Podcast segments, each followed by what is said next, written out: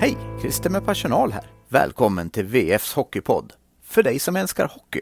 Det blir snabba puckar, heta nyheter och proffsig leverans. Ungefär som på ICA Maxis nätbutik på Bergvik. Här kommer VF Hockey, veckans FBK-lag, med din värd Johan Ekberg.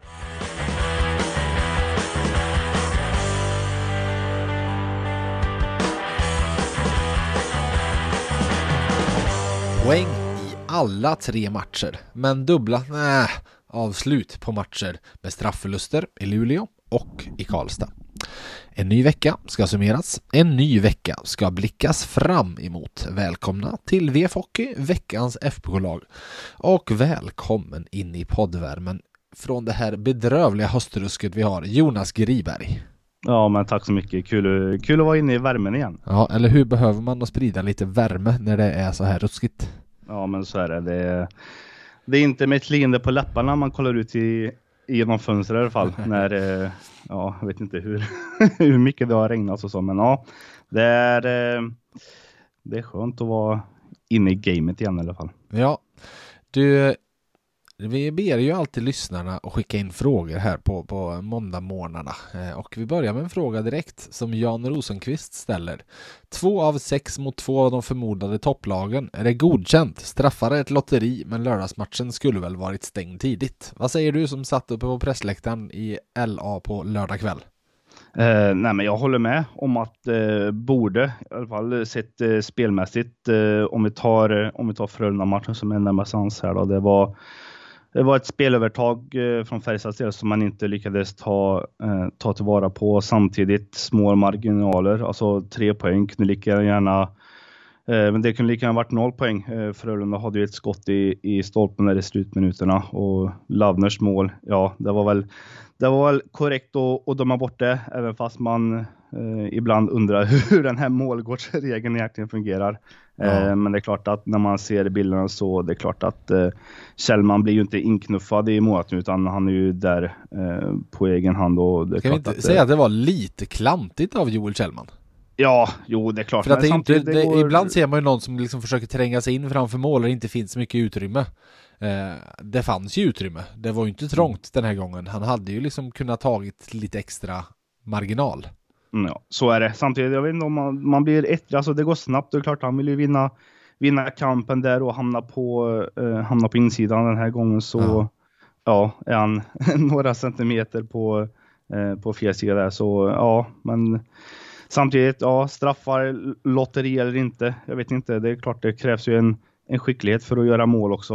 Eh, Det var en och snygg var ju- straff av Edström får vi säga. Ja, han gjorde ju en likadan, eh, nu minns jag inte vilka de, de mötte, men han har, han har ju gjort en likadan straff eh, innan. Ja. Eh, så ja, men ja, det, det är ju inte bara tur när det kommer till straffar utan det, det krävs lite skicklighet för att göra mål. Det är ju, Vi har ju gett Victor Ejdsell en massa cred för hans träffar så då kan vi inte säga att det bara är tur eh, när det går åt andra hållet. Ja, nej, så är det. Jag har som alltid min åsikt kring straffavgöranden eh, i SHL-matcher och det är att jag tycker att hemmalaget alltid ska få vinna för att, som jag har varit inne på någon gång, det är det mest eh, eh, att skriva om när det är en straffförlust. För det är, liksom, det är ju inte riktigt förlust. Men det är ju inte seger och så vidare. Men en straffseger kan du ju som, när vi, när vi skriver om dem, den kan du behandla som en vinst liksom, rakt av. De här blir något, något slags mellanmjölk av allt bara. exakt, exakt. Du, ska vi gå in på vilka som varit bäst senaste veckan då? Och du kan få äran att börja längst bak i mål. Vem plockar vi ut där? För återigen, de har ju stått både Legacy och Carl Lindblom. Mm, ja men exakt, vi eh, bollade ju lite där. eh, Sa jag på- Lindblom nu? Lindblom ja, men Jag var Lindblom. nära att säga ja. Lindholm först. Jag blev så... Ja, Du är inte den enda i alla fall som har, eh, Nej. som har sa- sagt fel. Det är väl Nej, men, Lindblom-tider i HV just nu så att vi får väl säga att det var där blommandet kom ifrån. Ja, exakt, exakt. Ja, Carl Lindbom och eh, Max Legacy. Vem väljer du? Mm, nej men eh, vi tar eh, Max Legacy. Eh, Lindbom får vi väl i ärlighetens namn, namn säga att han hade ju inte jättemycket att göra mot eh, München och kanske inte jätte, jättemycket eh, att göra mot, eh, eh, mot Frölunda heller. Eh, sen så tycker jag att eh, Legacy, han var ju faktiskt väldigt, väldigt bra uppe i, uppe i Luleå och räddade några, eh, några frilägen eh, och tog ju ändå 24 av 25 skott eh, under eh, ordinarie tid. Eh, men jag tänker att inte ska väl jag hålla på och prata allt för mycket om och målvakter utan vi har ju någon som kan det där ämnet betydligt bättre än dig och mig så jag begärde mig ut till Löfbergs Arena där Färjestad i alla fall idag hade, hade ledigt men på plats så fanns en viss målvaktstränare och ja, ni får höra på vad han har att säga om målvaktsparet som har hyllats under, under säsongen. Upptäck ett fulladdat erbjudande på Kia Ceed Sportswagen Plug-in Hybrid. En säker och laddbar familjekombi med uppkopplade tjänster. Dessutom ingår bland annat metallic-lack, rattvärme, navigation och telematik som standard i alla nya Kia-bilar. Välkommen in och provkör en laddbar Kia. Kia, movement that inspires. Vafa bil, din bilaffär och A-bilar i Arvika. Carl Lindbom tvåa i målvaktsligan, Max Legacy sjua. Eh, man får väl säga att det frågetecken som fanns inför säsongen har rättats ut till ett utropstecken. Vad är, vad är anledningen till att eh, ni har så pass bra målvaktspar som ni har? Alltså vi, vi hade väl inte haft det som ett, om vi inte hade trott på det så hade vi inte haft det som ett frågetecken utan för oss två så var det två ganska klockrena alternativ. Eh, det var ju såklart en väldigt speciell situation som blev under våren men när vi väl landade i att Max skulle vara partner tillsammans med Karl så kändes det bra direkt från första början. Ehm, det är ju många kombinationer till, till varför de har lyckats prestera eh, bra här nu i inledningen. Eh, dels så har vi ett jättebra försvarsspel. Ehm, det finns ju en tydlighet i vårt spel som gör det enkelt för dem att, att kunna bygga vidare på. Sen så har de ju själva lagt ner ett oerhört arbete. Eh, på en daglig basis. Eh, det har ju funnits saker att justera i båda spel och båda två har anammat det på ett fantastiskt vis så att jag är supernöjd med hur de har både tränat, presterat och levererat den senaste tiden. Vad skulle du säga är styrkorna hos, eh, hos var och en av dem? Olikheterna. De är så otroligt olika som målvakter. Karl är väl kanske lite mer tekniskt skicklig och strukturerad i sitt spel medan Max är jätteatletisk. Eh, så å ena sidan så får vi kanske släppa lös lite på den tekniska biten och å andra sidan så kanske vi behöver hämta hem och stärka den tekniska biten hos, hos Max. Eh, så att det, det är väldigt, väldigt olika målvakter verkligen. Mm. Och ditt egna jobb då, alltså du hade Tomkins och Hilleby i fjol. Jobbar du på, på ett annat sätt med, eh, med Lindbom och Legacy kontra det du gjorde i fjol? Eller ser det likadant ut i vissa delar? Alltså, det är ju alla målvakter är unika och alla har ett recept. Och min största uppgift är att, att, förstå vad deras recept är. Och när du väl har satt dig in i det så gäller det att hitta nycklarna i de recepten, vad som gör att det blir jättebra eller vad vi behöver göra för att det ska bli, bli lite, lite bättre. Så det är klart att det finns vissa hörnstenar som vi jobbar efter. Eh, men eh, jag måste anpassa mig efter deras spel. Så den stora utmaningen i inledningen av säsongen, eller inledningen av, en, eh, av ett för ett, ett samarbete är ju för mig att sätta mig in i hur de fungerar både som människor och som, som, som målvakter och där har vi ju fantastiska verktyg i form av Anders Svärd till exempel som ger mig jättemycket svar kring vilka människor de är och, och hur de reagerar. Um, vi har ju ett otroligt duktigt fysteam med Rickard Kalenius i spetsen och ett medicinskt team som ser till att de är hela och friska eller rehaben som eh, Max var tvungen att göra inledningsvis. Så det, det är så många olika delar i det hela och jag finns väl någonstans i mitten och samlar ihop allting eh, och kan portionera ut informationen till dem vad de behöver på en daglig basis. Många har ju såklart hyllat eh, Lindbom under innan säsongen med tanke på hans ålder och SLUT och hela, hela den biten. Är du själv förvånad över att han har presterat som han gjort eller kändes det som att han, var, han var redo när han kom? Han kändes oerhört förberedd när han kom in till Färjestad. Han var i jättebra fysisk form. Eh, jag tycker fjolårssäsongen med alla delar som fanns i den, eh, Stockholmsderbyn, slutspel och så vidare, och så vidare har ju liksom förberett honom för att kliva in i nästa nivå. Eh, sen har han ju en X-faktor i att han anpassar sig när, när, när det blir mer utmanande. Vi är såklart jätteglada för det han har levererat men vi såg ganska tydligt att det här är en kille som är förberedd för det här. Mm. Och lägger sig som du sa, han gjorde ju ett ingrepp eh, inför här men det känns också som att han har, han har anpassat sig till, en, till den svenska hockeyn också. Ja, och det har väl varit lite mer av en process det. Att, att anpassa hans spel till vad han är vad vid och det började vi egentligen redan i somras med. När vi bröt ner hur saker och ting skulle se ut och vad han eventuellt behöver justera och vad han faktiskt gör riktigt bra redan, redan nu. Eh, och de delarna har vi liksom fått hamra på och haft tålamod med det. Eh, så jag är glad att se att han får resultat med det också. Mm. Och ni har ju, ni har ju fördelat eh, matcherna hyfsat jämnt till Limbo, Limbo Mansart 7 och Legacy 5. Är det, är det ett medvetet val för att minska risken för förslitningsskador etc. Eller är det den här klyschan att den som är bäst för dagen kommer stå? Nej, men jag har pratat om det här tidigare, att för några år sedan så, så gjorde jag ett arbete där vi tittade igenom alla SHL-säsonger och se vad, vad, finns det för olika framgångsfaktorer och det, det finns liksom en sweet spot för eh, om man ska ta sig långt i ett slutspel kring vad en tänkt startare i ett slutspel ska spela för att kunna vara fräsch både mentalt och undvika skador och så vidare och så vidare. Eh, och vi försöker ju se till att eh, att ha så pass mycket matcher så att vi har två stycken som är förberedda inför ett slutspel. För det det som också har hänt. Det finns två undantag. Det var när HV71 vann senast med Linus Söderström i spetsen eller när vi tog hem guldet här för det, nästan snart två säsonger sedan. Eh, det är de enda två slutspelen de senaste tio åren där samma målvakt har spelat samtliga matcher. Eh, nästan alla andra så har du sett skador på vägen som gjort att någon annan fått kliva in och då gäller det att se till att vi är förberedda för det. Så det, det finns definitivt en tanke kring hur vi matchar målvakterna. Avslutningsvis då, vilket lag har seriens bästa målvaktspar? Eh, jag tror alltid på våra, våra målvakter oavsett, så att Färjestad har definitivt det. Från målvakter så går vi vidare och vi går vidare till backar logiskt nog.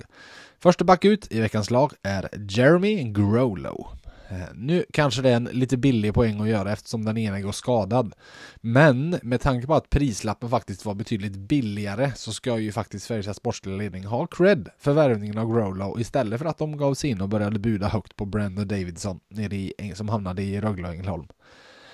Jag gillar mycket av det jag ser av Grolo och jag tror även att han kommer bli ännu mer nyttig fram mot slutspelet eh, med sin fysiska närvaro, för där kan han stå upp bra. Eh, och även spännande att se hur han kommer utvecklas i spelet med puck, för han kan eh, lirka och snirkla fram lite där, men han, han har ju alltså, har en fin skridskoåkning, så han kan ju skapa lite på egen hand så sett också.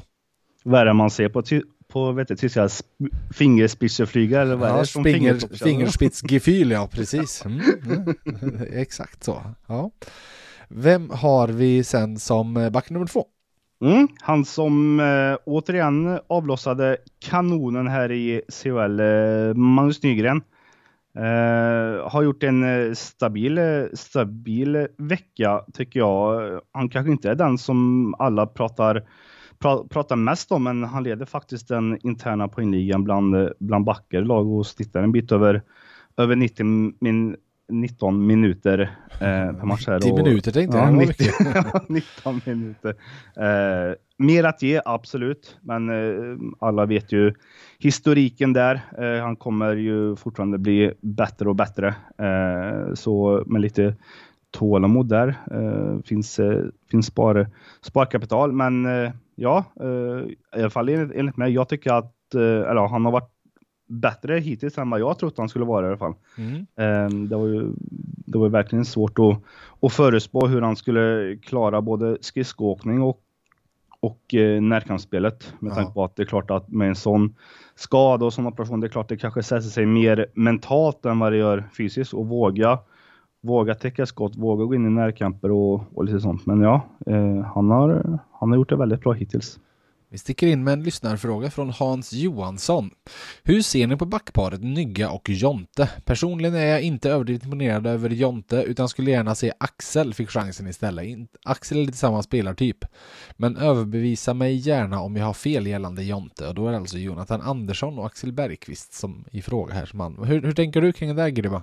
Uh, nej men jag tror jag förstår hur, hur Färjestad har, har tänkt där. Alltså Nygren som har sina uppsidor i offensiven. Sen Johan Andersson har ju sina uppsidor i defensiven. Man vill ha en uh, man vill ha en balans där. Axel eh, vet vi ju att han, han är bättre offensivt än defensivt. Så det kanske inte är ett backpar som jag hade placerat bredvid varandra i och med att ingen av dem kanske är är superbra i egen zon, så det kan bli, kan bli lite vad som helst. Men jag är helt klart eh, jag håller helt klart med om att det är, det är lite av samma, samma spelartyp där. Eh, Jonte och Axel, båda gillar ju att eh, transportera med, med pucken. Eh, kanske att Jonathan Andersson är lite mer eh, eh fysisk eh, i sitt spel. Eh, kan, kan tugga mer istid i, i boxplay. men ja, jag är såklart också inne på att jag är ju nyfiken på Axel Bergqvist och liksom vad han kan ta för utveckling den här säsongen. Han gjorde ju ändå en bra eh, debutsäsong i fjol. Eh, och, men nu är, nu, är, nu är konkurrensen eh, som den är. Eh, mm. Det är svårt att bara peta någon sådär, men det, det är klart vi kommer ju få se mer av honom och det gäller ju för Axel själv att verkligen ta, ta chansen när han får den. Eh, även fast det har varit, eh, ja men nu har han väl som mest eh, spelat eh, två matcher på rad tror jag. Eh, så ja, vi får väl får väl se där. Men jag tror, tror Färjestad har, har ganska koll, bra koll på hur man vill hur man vill matcha. Men just eh, Nygren Jag tycker Jonathan Andersson har gjort, ja, men jag tycker han har gjort det bra ja. Eh, alltså jag tycker han är stabil ungefär det jag trodde mm. att han skulle vara. Han kommer inte vara någon 4-5 plus back så sett. Eh, men en trea med på gränsen till fyra eh, är väl där liksom som, som eh, han, han, har sitt tak så att säga jag gillar med Jonathan Andersson framförallt det du var inne på där, hur han med sin skridskoåkning löser en hel del situationer, för han kan ju verkligen åka ut ur jobbiga situationer med puck eh, genom att trampa till lite. Eh, så ja, eh, jag, jag tycker han har gjort det helt okej. Okay. Eh, vi går från en Andersson till en eh, Johansson och eh, när vi ska ta ut vår första forward, för där kommer han, Captain of the Team Linus Johansson. Han gjorde 1 plus 1 mot tyskarna. Jag tyckte han var bra uppe i Luleå och jag tyckte han var en av Färjestads bästa även mot Frölunda. Den här som gör jobbet i det tysta. Eh, jag satt ju med eh, VF-läsare i eh, en loge där mot Frölunda och man upplever ju hockey på ett annat sätt när man sitter närmare isen och det jag, en av, en av det jag tar med mig framförallt från Frölunda-matchen är sättet som Linus Johansson i backcheck inte ger sig utan jagade ikapp Frölunda-spelare flera gånger om och om jag säger att han käkade upp dem mot sargen, förstår du vad jag menar då? Absolut. Men du får gärna utveckla för de som kanske inte förstår vad du menar. Nej men att hur han liksom, han, han jobbade sig ikapp dem och fortsatte hålla samma hastighet och med den hastigheten tryckte in dem. Han satte stopp i spelet som forward liksom. Och fick, fick eh, stopp på en där som då i bästa fall kunde hitta en passning till en lagkamrat. Men eh, nej, ja, mycket sånt gör han bra. Vem har vi som forward nummer två?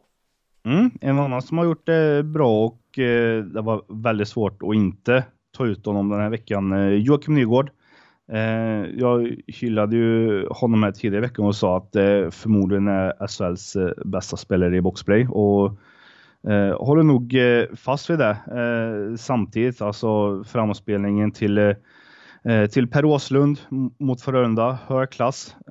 och jag har även, även fått frågan här på, på Twitter, jag tror att det var i samband med Luleå-matchen, varför han inte spelar mer i i 3 mot 3 och kollar man på Nygårds byte för byte, det är nästan varje gång han gör, han gör de här maxåkningarna. Och den som har spelat hockey själv vet ju att eh, man blir ganska trött efter de här 60 meterna. Och sen så kanske man ska backchecka och ja, det finns en, det finns en anledning till varför ett hockeybyte inte, mm, man gör inte mer än, än 30 sekunder på, på planen för man orkar inte. Sen med det sagt så, jag säger inte att han är för för trött eller att det är orimligt att han ska spela eh, eh, varannat byte i, i 3 mot 3. Men samtidigt, det finns fler, fler offensiva hot i, i, i laget än, eh, än bara honom. Eh, men såklart att är han, är han pigg så är det klart att jag hade varit tränare så hade jag spelat honom så, så mycket det bara går i, i 3 mot 3 även fast mm. tempot kanske inte alltid är det,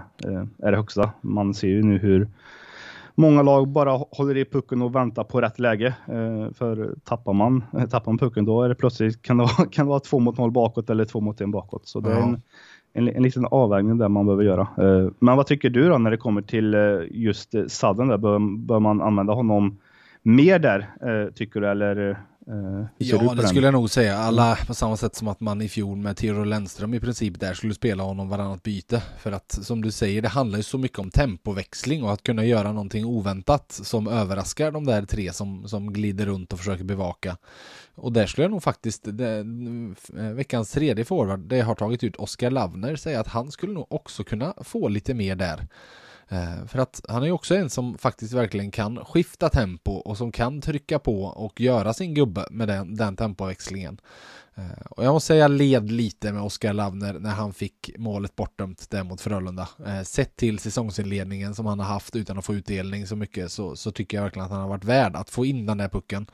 Tyckte det syntes också på hans ansiktsuttryck när han satte den att det var inte bara liksom en glädje över att ha gjort mål utan det var en liten lättnad också. Eh, jag tycker han gör väldigt många saker väldigt bra. Om jag får hitta på ett nytt ord så är han lite marcelianisk i hur han är svår att ta pucken ifrån mm. när han vrider och vänder i offensiv zon. Eh, för mig så är han en av tolv fortfarande när Liam Ögren kommer tillbaka. Vad säger du? Eh, nej men absolut. Eh, eh, jag har pratat om det här innan att han han vårdar pucken på ett bättre sätt. Han är, han är ganska avig i sin spelstil, alltså gör väldigt stora eh, rörelser eh, och har haft en tendens innan att eh, tappa pucken. Eh, alla Joakim Nygård när han kom, kom upp där, att han var lite för snabb för sitt eget bästa. Men, men nu tycker jag han, han vårdar pucken på ett bättre sätt. Han är liksom stark i sarghörnan, han vinner dueller. Eh, så det är bara just i SHL är det bara målen som fattas och det är ju som du var inne på, man såg ju verkligen på reprisen där efter målet mot eh, Frölunda som han trodde var godkänt att fan vad gött skrek han, men ja, eh, det är, det är väl bara en tidsfråga innan det, innan det lossnar där också. Eh, så länge han får chansen i en topp tre kedja mm. där med, med, lite offensiva spelare bredvid sig så jag har svårt att se att han kommer stå på noll mål de närmsta veckorna också. Eh, utan förr eller senare så lossnar det. Och som forward, ja, kommer ettan så dröjer det inte länge innan tvåan och trean eh, kommer också. Eh, Nej, så är det. det. Så är det. Det, är, det är helt klart en spelare som eh, förtjänar att ha mer mål i, i eh, målprotokollet än vad han har nu i alla fall. Absolut. Du, på tal om mål så tar vi veckans frågetecken och det blir delvis i alla fall Victor Rydsell straffar. Herregud, han har missat två på raken, men Jag går åt ett litet annat håll med en liten annan detalj. Jag fick frågan här, eller jag fick inte frågan men jag svarade på den åt en som undrade hur kommer det sig att isarna borta i NHL ser så mycket, eh, att det blir så mycket mindre snö på dem? Att de ser så rena och fina ut hela tiden. Och det är ju en väldigt enkel förklaring att man har tre stycken powerbreaks per period i NHL och då kommer det varje gång in ett Ice Crew. Backar du några år så var det enbart snygga lättklädda tjejer som var i dessa Ice Crew. Nu har man tagit sig lite längre så att det är folk av olika kön. Eh, men de kommer in och skrapar hela isen eh, tre gånger per period. Och, och verkligen få bort en massa eh, lös snö som blivit. Och det måste jag ju säga, alltså det är en poäng som ändå står på spel i varje straffläggning. Nog tusan skulle man ha tid att skicka in de där ispojkarna och skrapa Alltså det är ju inte hela isen, de behöver bara skrapa upp till mittcirkeln och inte skrapa hela vägen ut i sargen heller, där är ingen. Men att i princip ska, skrapa som ett V från målet och ut upp mot, eh, upp mot uh, mittcirkeln. Det hade ju faktiskt hunnits med. Ja, nej men absolut och vi har ju sett så här alltså eh, spelare som har kommit fram och, och pucken i princip stannar. Eh, ja, den gjorde ju det för Victor Rizell ja. till exempel uppe i Luleå. Ja. Det ja, men, och det tar ju en liten tid från slutsignal när tränarna ska välja ut straffskyttar och så vidare. Mm. Redan nu tar det ju en, två minuter innan det börjar någon straffläggning. Fall det då tar mm. två, tre minuter om man faktiskt får bort lite snö där framför mål. Ja, alltså, de hade ju för några år sedan där de, ja men där ismaskinen uh, kom ut och spolade och det är klart att det, det tog ju bort sen för att det tog för lång tid men uh, herregud de, uh, de skapar isen i powerbreaksen och hur många killar är de där? De är väl ja, tre stycken, fyra, fem stycken. Ja, men, ja, men det, det tar ju inte lång tid. Alltså, det Nej. gör de ju på under en minut där och, och liksom skrapa. du behöver inte ha, kanske till mitt, som i alla fall till blå linjen. Eh, bara för att göra det mer eh, optimalt. Ja. Det är klart att det samlas en bra, bra mängd eh, snö och ibland kan det vara att, mål, att målvakterna själva får för sig lite, alltså lite bygga och liksom, ja, men bygga en snöhög ja. framför målgården så att det i princip är, är omöjligt om någon vill dribbla eller så. Så mm. jag, jag håller med dig. Visst eh, behöver man, behöver man skrapa i mitten där för att, att göra det mer optimalt för straffskyttarna. Du, veckans utropstecken, vad har vi där? Mm. Då säger jag 5, 19, 15, 19. Och det är inte veckans lottodragning i Kena utan det är antal mål som Färjestads damer har gjort i, i sina matcher. En målskillnad på 72-0. Ja, herregud. 72-0 efter fem matcher.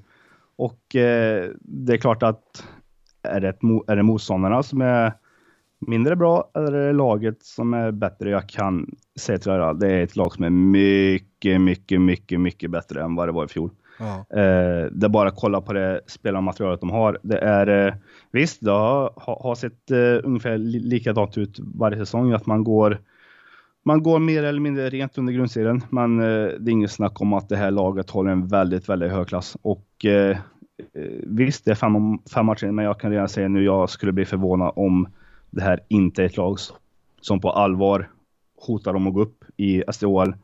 Eh, visst, man kommer tappa eh, Merasova. Eh, jag tror hon gör sin, sin sista match på lördag eh, innan hon försvinner till Nordamerika. Mm. Och ja, kanske bör man ersätta henne med en annan spetsig center. Eh, eh, men eh, ja, nej, det här är ett lag som har imponerat stort och ja, vi, vissa tycker att det är lite eh, parodiskt att de eh, Ja men de får inte öva försvarsspel och... Ja, men jag får ta en grej där innan du går vidare. Ja. Eh, För du, 72 mål som sagt. Vet du vad 34 står för i ett FK Dam-kontext hittills? Eh, 34, nej. Det är antalet skott de har haft emot sig på fem matcher. Ja, du ser. Du ser. 34 skott Ja. emot sig och gjort 72 mål. De har gjort skjutit 322 skott. Så 322 34 är målskillnaden. Det är bra underliggande siffror. Ja, Men som du säger, det är klart det finns en oro i det där att för du, det kommer ju bli bättre motstånd när de väl ska upp i kvalet. Mm. Men så är det. det, är ju det några av de här lagen, när eh, man vinner med 19-0 då är det ju för dålig klass på motståndet. Så är det ju. Ja, så är det. Och det har ju varit eh, samma visa varje år. Att det är, de, har ju, de har ju knappt fått spela försvarsspel innan de kommer upp till eh, allsvenskan och till kvalet. Och liksom, eh, plötsligt så vet de inte hur de ska röra sig i egen zon för de har aldrig liksom varit eh, tillbakapressade. Men nu i år har de faktiskt träningsspelat mer än, än vanligt mot eh, U16-killar. Eh, så sent som i, igår när vi spelade in det så, så vann de ju faktiskt mot eh, Hammarös eh, U16-lag med, med 4-3. Så de får ju ändå de får ändå testa på hur det är och eh, om man spelar försvarsspel och just det, den fysiska biten. Och jag tror att det är väldigt, väldigt, väldigt nyttigt att, att de får in de här eh, träningsmatcherna mot eh, pojklag. Eh, för att de får inte samma, samma motstånd i serien tyvärr. Och jag har ju varit inne på det här innan och jag vet att Färjestad själva har ju haft påtryckningar på förbundet att de behöver, de behöver se över NDHL. Den är alldeles för ojämn. Eh, i, I den bästa av världar så hade de Eh, uh, om man säger att de slår ihop de allra bästa lagen och gör en renodlad allsvenska just för att få bättre kvalitet på matcherna och, och att lagen underifrån ska vara bättre förberedda sen när de ska möta eh, uh, SDHL-lag i ett, eh, i ett kval. För det, det är fortfarande en jättestor skillnad uh, mellan serierna och det har vi sett. Det är ju inget lag som har, som har gått upp underifrån förrän, eh, förrän Frölunda gjorde det nu, nu senast. Nej, precis. För om vi ska vara ärliga, det här Färjestad-laget mot Luleå kunde jag förlorat med 19-0. Kan- Ja. Nej, men alltså, de hade ju lätt kunnat släppt in tvåsiffrigt mot Luleå med exakt det här laget. Absolut, absolut. Eh, Så att det är ju ett stort steg och nu är Luleå en särklass i toppen men det är ju ett stort steg likväl. Jag undrar ändå att om det inte skulle behöva utökas SDHL eh, för att ju fler av de stora klubbarna som vill satsa på damhockeyn och kommer in med sina resurser och sina pengar nog är det bättre att de gör det i samma kostym och samma, på samma plats som de andra snarare än att man ska hålla på på det här sättet. Ja, absolut. Och sen så tycker jag också att man behöver se över eh, eh, om man har en kvot för hur många importspelare man kan ha i varje lag. Vi, vi ser ju vissa lag där, där 80% av laget är liksom utländska spelare och eh, det är klart, vilka vill men man säger att man vill ha mer publik på matcherna. Ja, men det finns ingen igenkänningsfaktor. Liksom Nej. vill du gå och kolla på, om man säger Linköping, eh, man kanske inte har några egna talanger lag och så har du 15 importspelare, liksom, vilka, vill, vilka vill gå dit och kolla? Eh, det, det, det är nästan så att det har varit så att det, det laget med flest nordamerikaner och finländare och tjecker, det, det, det, det är det laget som har vunnit. Mm. Eh, så det behöver man också se över och det är klart det gynnar ju svensk eh, damishockey också och få, liksom lo, låta de svenska spelarna få större, större roller. Det, det är väl det som, som damkronorna har haft problem med att eh, de mest tongivande har inte varit tongivande i sina klubblag. Eh, utan det har varit de, de utländska spelarna som har fått eh, stora roller och fått spela mycket powerplay och, eh, och så. Så det är klart att det, det påverkar ju landslag också, att våra svenska spelare inte får, får stora roller i, eh, i sina klubblag.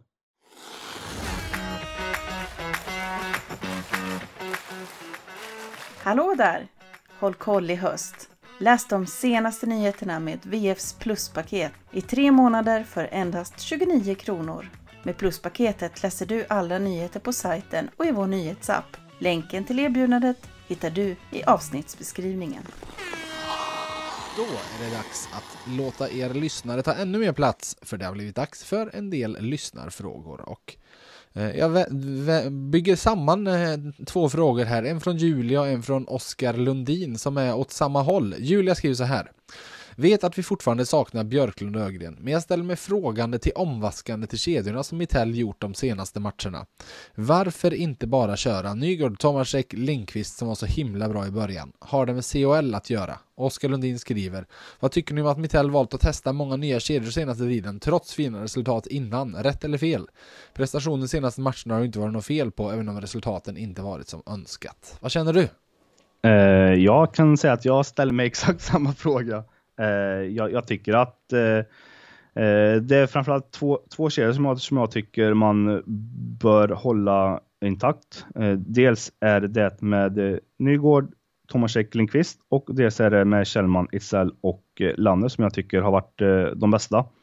Eh, sen så jag förstår att man tidigt vill laborera lite och det är klart att Mittell hade ju inte vaskat om bara för sakens skull utan han har ju säkert en baktanke med det. Dels att han, ja man, du var ju själv inne på det, ja. han kanske vill fördela lite istid där. Det är klart att Tomasek-kedjan har ju fått mycket, eh, mycket istid och samma sak med eh, Kjellman och eh, Isel Lanne där och det är klart att man kanske ville fördela lite där, eh, testa nytt. Eh, man, man har valt att ge en sån som Lukas Forsell en liten offensivare roll eh, också för att se om man kan få ut eh, mer av honom. Eh, så, men det, det är sällan, sällan, eller jag skulle påstå det är nästan aldrig som man avslutar i alla fall med de formationerna man startar en säsong med. Nej, jag stod och pratade lite med, med Mittell om det här i fredags uh, och han gav ett långt, långt svar. Uh, som var, det var poddvänligt på sitt sätt för det var ett resonerande svar där han liksom pratade fram och tillbaka. Och det var väl liksom lite så här, han var, han var tydlig med att de var inte missnöjd med hur det var innan. Men jag tror det fanns en liten, nej men nu har det gått bra ett tag nu vill vi se om vi kan skruva ytterligare lite för att även om de där formationerna hade fungerat så hade väl de andra två kanske inte riktigt producerat så mycket så jag tror det var liksom en, han, han, vi kallar det, eller vi kom fram för att det var snarare en nyfikenhet snarare än missnöjdhet. Att de ville testa lite nytt eh, och det kan väl vara att testa lite nytt med vetskapen att vi kan gå tillbaka dit. Sen är jag faktiskt, alltså oavsett hur jag hyllade Oskar Lavner förut och så vidare men jag undrar om man inte skulle testa något annat där och jag tror att mycket väl i den formationen kan Liam Ögren hamna in sen för vi har ofta hyllat både Victor Ejdsell och Joel Kjellman har sagt att de har gjort det bra. Vi har hyllat Oskar Lavner också sagt att den här formationen har skapat mycket. Men de har inte gjort så mycket mål faktiskt. Och det kanske saknas lite scoring touch om vi nu ska ta ett engelskt uttryck i den formationen. Så då kanske Lavner hade kunnat gjort det precis lika bra i en annan där man inte förväntar sig riktigt lika mycket mål. Mm. Ja, som en, alltså han tycker jag ändå är en, ja dels han, han kan vara det, men jag tycker också han är en perfekt fjärdekedjeforward också med sin rivighet och ja men, ja men forecheck. Eh, alltså jag hade inte haft något emot med, säg en, en fjärdeline med Åsrund, Westvedt, eh, eh, Lamner. Skulle mycket väl kunna den hade du kunnat slängt in mot precis vilket motstånd som helst. Exakt. Eh, och de, de hade gjort det riktigt bra. Du, har du någon fråga? Mm, som, absolut. Bland de som är inskickade. Mm, absolut. Jag plockar fram en här från eh, Tim PA. Per Åslund, ordet är fritt. Ja, ska vi säga det vi glömde att prata om förra veckan om Per Åslund då? Mm. Att han då passerade Thomas Rundqvist upp som fyra genom tiderna i mål. Ja, inte, illa, inte illa pinkat. Nej, vilket gör att han då, för han passerade ju Pelle Prästberg här förra eller förra, förra säsongen i poäng också. Så förutom att han leder i antal spelade matcher så är han nu topp fyra i både poäng och i mål. Och ja, han är faktiskt topp fyra även i assist. Så eh, det är eh, fina sällskap han eh, är, är med i nu. Eh, och i mål, det är ju lite roligt. Han är ju nu sex mål ifrån Pelle Pressberg. Så vi får väl se i båset där om, eh, mot om, om någon månad fall han eh, får in några mål till. Fall Pelle slutar att spela honom i powerplay. Då vet vi varför. Exakt. Nej, men alltså så här. Det är ju enormt fint och ta i Frölunda-matchen det var en speciell kväll med Gustav Rydahl och allting som hände kring det. Det behöver vi inte avverka mer här. Det har vi pratat nog om och skrivit nog om. Men likväl, eh, Gustav Rydahl, fall han verkligen hade velat så hade han ju kunnat spela i Färjestad nu. Han valde något annat och det får man ha respekt för. Att han, han ville det. Han ville något annat. Och då är det väl kanske lite fint ändå att i den där matchen så, så var det en Per Åslund och en Joakim Nygård. Jag tänkte på det när de samverkade till första målet. Framförallt Åslund som nobbat erbjudanden många gånger från andra SHL-klubbar för att han så gärna vill stanna här. Det betyder så mycket för honom att vara kvar hemma i Värmland och spela just i Färjestad. Ehm, det fanns någon fin symbolik i det kanske. Mm. Mm. Ska vi plocka en eh, fråga till till dig så ska du få den här ifrån Mathieu Bodström. Vinnarmentalitet. För några år sedan var spelare och ledare ofta nöjda i intervjuer nästan oavsett resultat. Nu vill de nästan till alltid förbättra saker oavsett resultat. Men man, eh, man verkar vilja vinna mer nu. Hur ser du på det? Eh, ett ord, kravställning. Eh, är, väl, är väl det som passar passar bäst in. Eh, jag tycker det det är ju så, det, det är inte liksom under, under, under, grundserien man vinner, man vinner titlar. Eh, det, det vore dumt att ha inställningen att vara nöjd när, när, när vi befinner oss eh, innan, innan slutspelet. Det finns alltid, alltid saker att förbättra. Sen så det är klart att man behöver såklart stanna till och, och njuta lite och känna, känna en nöjdhet över att man över att man vinner. Men att hela tiden ha drivet till att bli bättre, vilja utveckla, alltså slippa på detaljer. Jag tror det, det är nyckeln till att Färjestad har varit så pass framgångsrik under, under Mitell som han har varit. Eh, att det finns en ödmjukhet i att, eh, eh, i att vi når, nå framgång. Eh, så jag tror att det är mycket, mycket av den inställningen eh, och eh, kravställningen som gör att man kanske utåt sett inte eh, ser eh, att man är alltför nöjd eller så, men det är klart att inom, inom gruppen, det märker du och jag när vi är på, på träningar efter en vecka där de har vunnit två matcher, det är klart att man ser man ser skillnad kontra att de kanske har, har, har två raka eh, torsk. Mm. Eh, så ja, men det, jag, jag det, är just kan... att det är så pass många omgångar att man eh, man har inte, man har inte tiden att, eh, att nöja sig på, på det sättet. Nej, men så är det. Eh, och jag tycker man, för man ska sammanfatta Rickard Wallin och Thomas Mittells filosofi på ett sätt, så är det till stor del att vid förluster försöka att inte bli alltför besviken om insatsen ändå har varit bra. Vid vinster försöka att aldrig vara för glad över dem. Eh, alltså att hålla, och det pratar ju framförallt Mitell om vid, vid första slutspelet, hålla känslorna i schack lite oavsett vad som händer. Förstå att man ska inte sväva iväg vid förlust, man ska inte bli stressad vid, eller vid, sväva iväg vid vinst och inte bli för stressad vid förlust. Det har vi hört mycket. Du, du ska få en till fråga från Oskar Nej, den här ska du få. Eh, från Jonas Gröder, eh, som också var inne på Per Åslund. 400 poängsjubilaren Åslund fortsätter leverera. Den gubben går ju inte peta i dagsläget på grund av konkurrensskäl.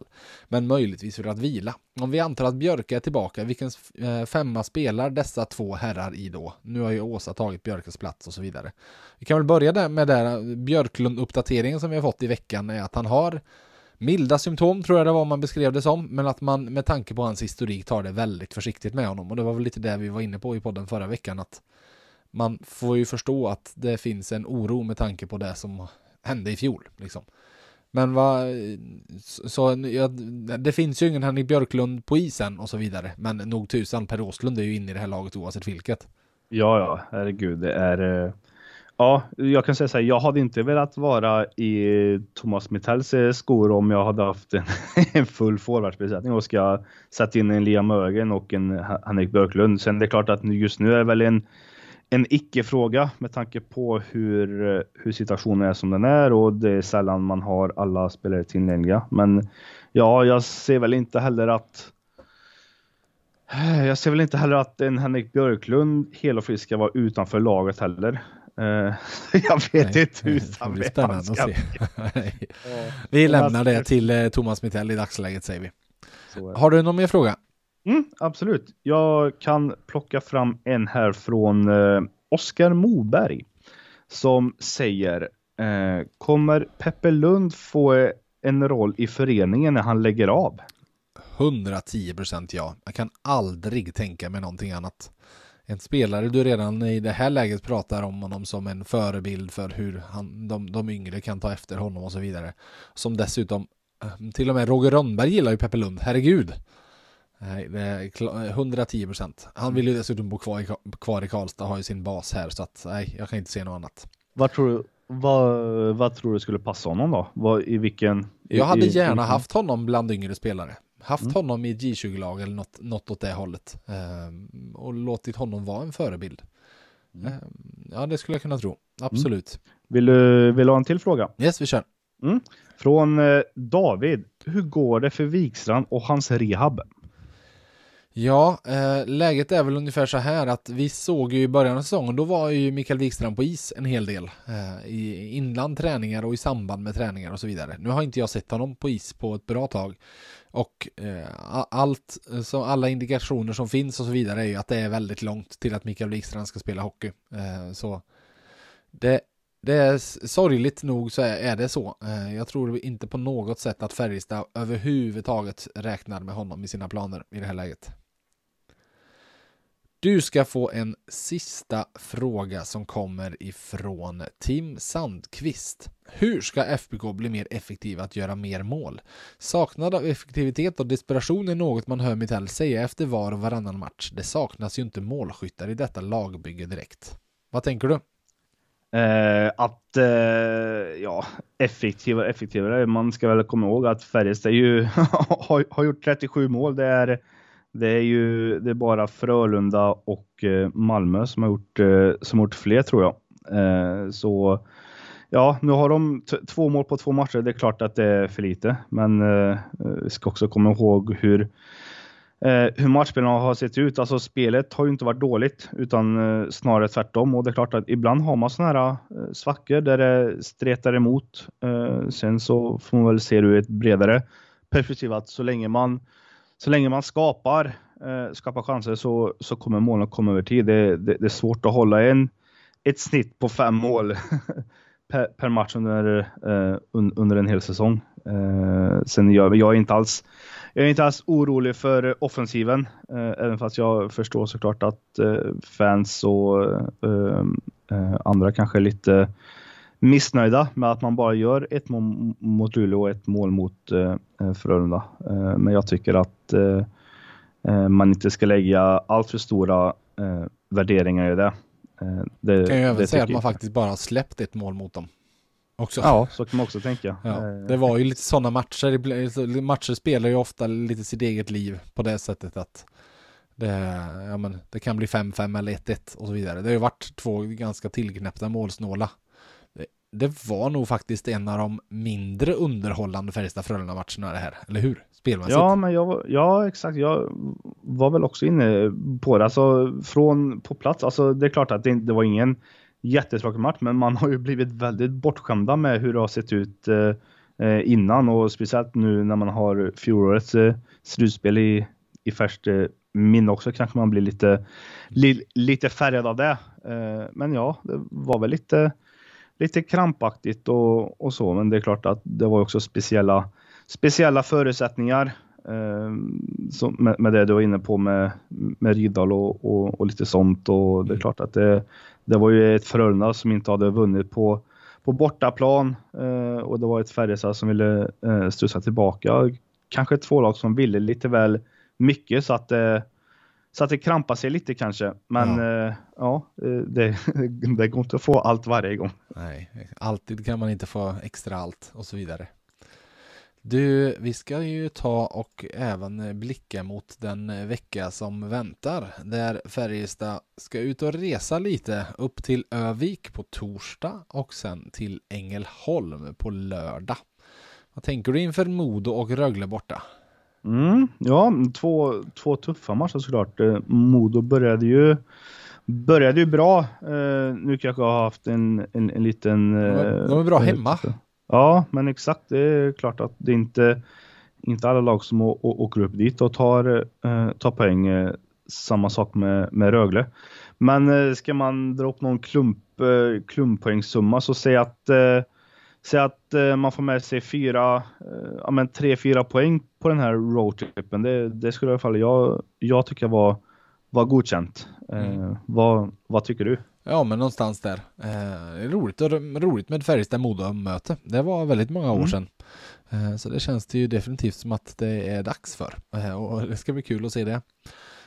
Och Rögle vet man väl inte riktigt vad man har just nu. Eh, alltså hade du, hade du frågat mig i, eh, i fredags om Rögle så hade jag sagt, ja, jag vet inte tusan om, om det är en Abbott bakom bänken till helgen. Eh, ja. Men det var en viktig seger de tog mot Timrå. Jag tror det var väldigt viktigt för dem att få stopp bakåt.